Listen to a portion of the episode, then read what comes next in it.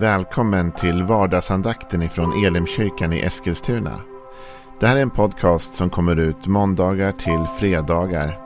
Om du vill veta mer om vilka vi är, vad vi tror på, hur du kan komma i kontakt med oss eller vad vi kan erbjuda dig för någonting så gå in på www.elimkyrkan.com. Du får jättegärna gå in och likea vår Facebook-sida. Det är facebook.com elimeskilstuna. Eller så söker du upp oss på YouTube och då söker du på Elimkyrkan Eskilstuna. Vi vill jättegärna komma i kontakt med dig. Men nu lyssnar vi till dagens andakt. Välkomna till vardagsandakten. Vi håller på att gå igenom psalm 73 den här veckan. Vilket är en lite annorlunda psalm. En psalm skriven av Asaf. Eh, inte David då som har skrivit de flesta, men den här är skriven av Asaf. Och eh, det är en psalm som handlar om tvivel och, och funderingar och oro och tvekan kan man säga.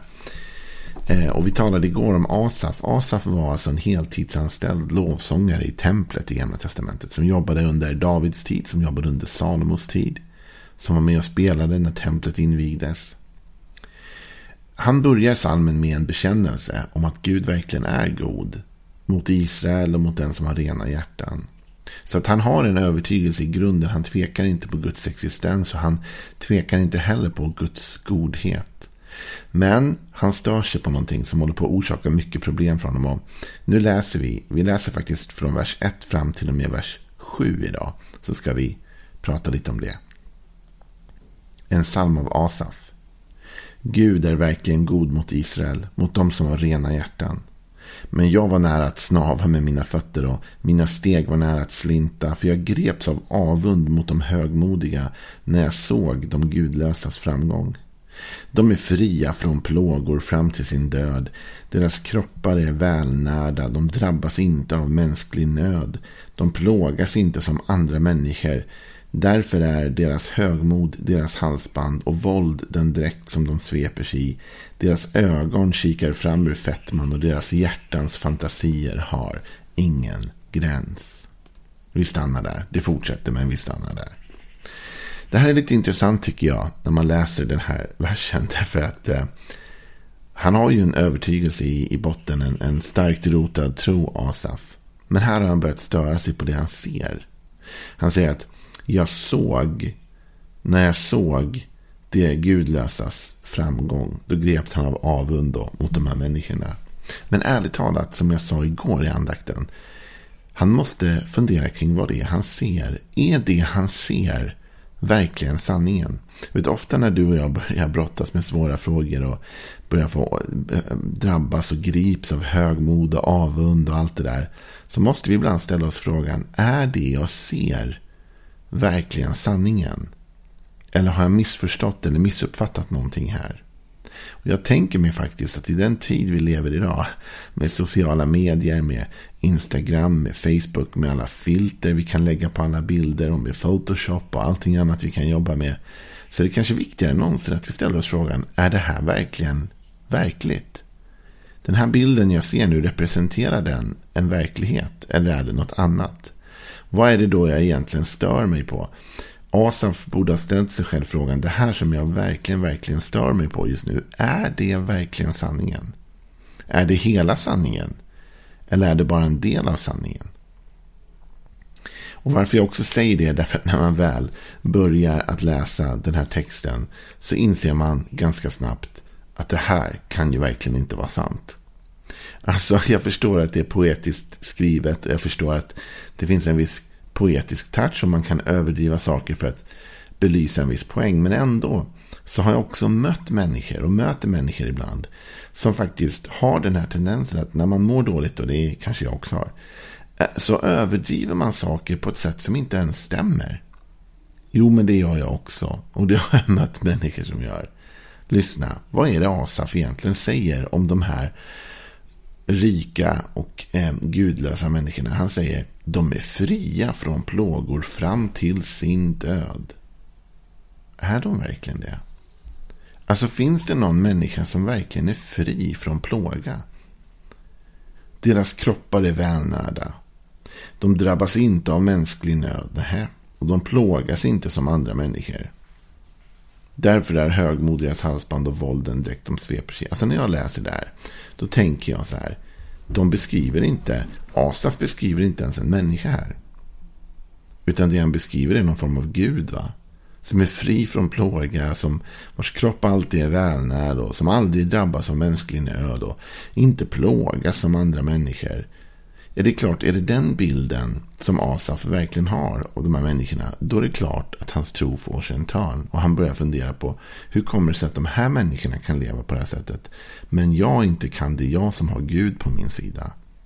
Och ganska ofta tänker jag mig att vi hamnar i den fällan. Vi tittar på Instagram, på Facebook, på YouTube, på olika kanaler. Vi ser bilder folk lägger ut. Eller vi kollar på bilen, de kommer åkandes hit till kyrkan. Eller vi tittar på deras hus. Eller vi tittar på deras välklädda barn. Eller hur vältränade de tycks vara. Eller vad det än är. Va?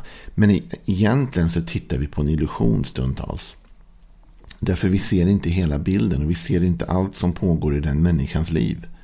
Det kan ju hända att de har en fin bil eller är vältränade eller har andra saker som är positiva med sig. Men det behöver ju inte innebära att de mår bra eller att de är fria från all form av mänsklig nöd som Asaf här säger.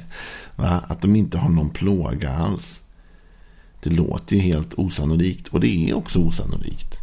Och faktum är att det som Asaf här känner att han ser stämmer inte alls överens med den bild som Bibeln ger. Och det är klart, det är kanske därför som han känner en viss fundering. Och han börjar tvivla, tvivla och tveka. Problemet är bara att det är nog Bibeln som har fått det rätt och inte Asaf. Och det är ganska tydligt när man läser faktiskt. Han har nog missbedömt de här människorna. Ja, men säger du, Joel, hur kan du veta det? Men låt oss gå till några bibelord bara. Och bara göra upp med frågan. Finns det någon människa överhuvudtaget som kan leva, äh, eh, leva hela livet utan plåga? Eller utan mänsklig nöd? Finns det någon sån människa? Vad säger Bibeln? Du vet Paulus i första Korinthierbrevet. Han säger så här när han talar om frestelser och prövningar. Första Korinthierbrevet 10, vers 12. Därför ska den som tror sig se till att eh, den som tror sig stå se till att han inte faller.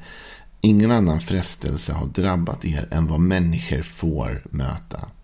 Och Gud är trofast och han ska inte tillåta så att ni frestas över er förmåga.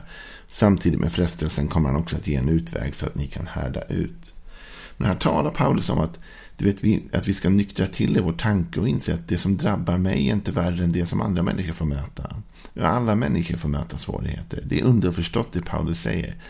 Ingen frestelse har drabbat er än vad människor får möta. Med andra ord, människor får möta frestelser och prövningar och möda och utmaning.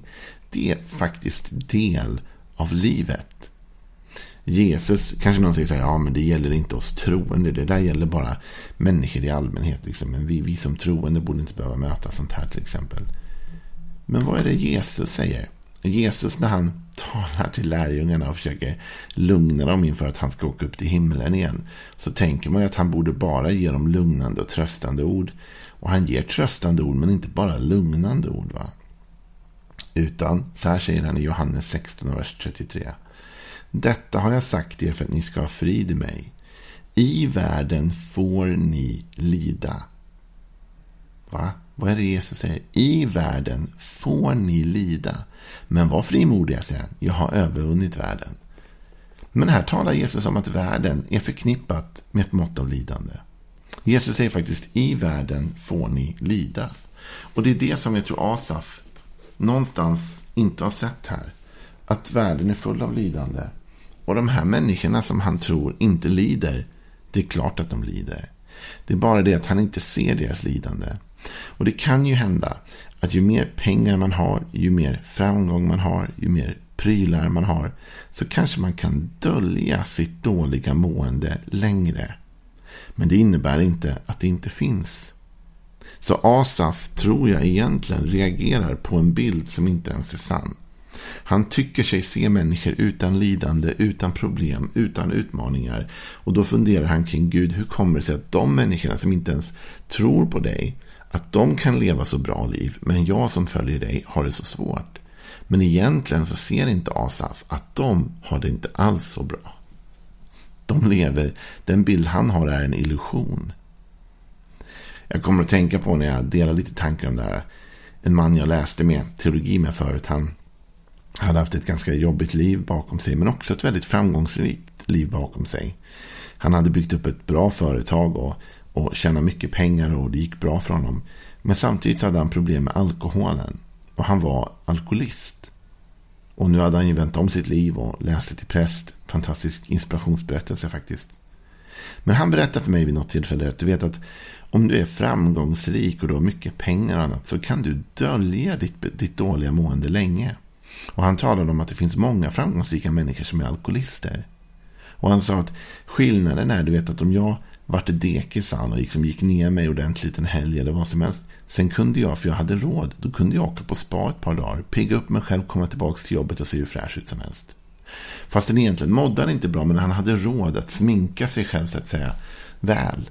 Och jag tror att det är det som Asaf brottas med här. Han ser de som har mycket pengar, medel och möjligheter, de gudlösa. Och han ser deras sminkade, pålagda yttre. Men det där är egentligen ingen bild av verkligheten. Och jag skulle vilja till dig som retar upp dig i livet just nu på att du kanske tycker att vissa människor har framgång eller du tycker det verkar gå väldigt bra för några och du, du kanske till och med känner som Asaf, liksom, att de har inga problem alls. Liksom. De har inga problem alls, det bara rullar på för dem och allt går bra och allt är lyckligt Jag skulle vilja utmana dig och säga jag tror att din bild är fel. Därför Bibeln lär oss att det finns ingen människa som har det lätt. Det finns ingen människa som inte går igenom utmaningar eller prövningar. Visst, det kanske kan variera i grad. Men det, den bild som Asaf beskriver, den är överhuvudtaget inte sann. Det finns inga sådana människor som inte möter mänskligt lidande, som inte blir störda av människor, som inte har problem med någon. De människorna existerar inte. Och det Asaf egentligen blir så arg och upprörd på här är så att säga ett hjärnspöke. Det är någonting som inte ens är sant. Och han beskyller nästan Gud för detta. Hur kan du låta det gå dem så här väl? Men Gud måste ju bara ha suttit och tänkt, fast det går dem inte så väl. Det är du som tror att det går dem väl. Det är du som ser din bild, du ser din vinkling. Men din vinkling, Asaf, är inte hela bilden av vad det här är. Och samtidigt ska vi inte racka på Asaf. Därför Asaf var en fantastisk gudsman. Som tjänade i templet åt både kung David och kung Salomo. Som spelade på invigningen av templet. som var Han var en professionell lovsångare. Han hade övertygelser om Gud. Och det var inget fel på Asaf. Va? Men han kom in i ett knäppt tänk. Och det kan hända dig och mig med. Det är det som är hela poängen med den här salmen. Att trots att vi har en djup överlåtelse, en djup tro på Gud så kan vi ibland hamna helt snett i vår tanke och komma in i tankebanor som bara inte stämmer. Och vi behöver ibland utmana vad vi själva anser att vi ser. Asaf säger när jag såg hur det går för dem. Men sen läste ju du och jag vad han såg och det stämmer inte. Och faktum är att det stämmer inte sen länge, sen gammalt som folk brukar säga. Bland det första som händer efter att människan har fallit, du vet i syndafallet, inte gjort vad Gud sa, är att Gud fördelar ut konsekvenser till ormen, till Eva, till Adam. Och till Adam så säger han så här.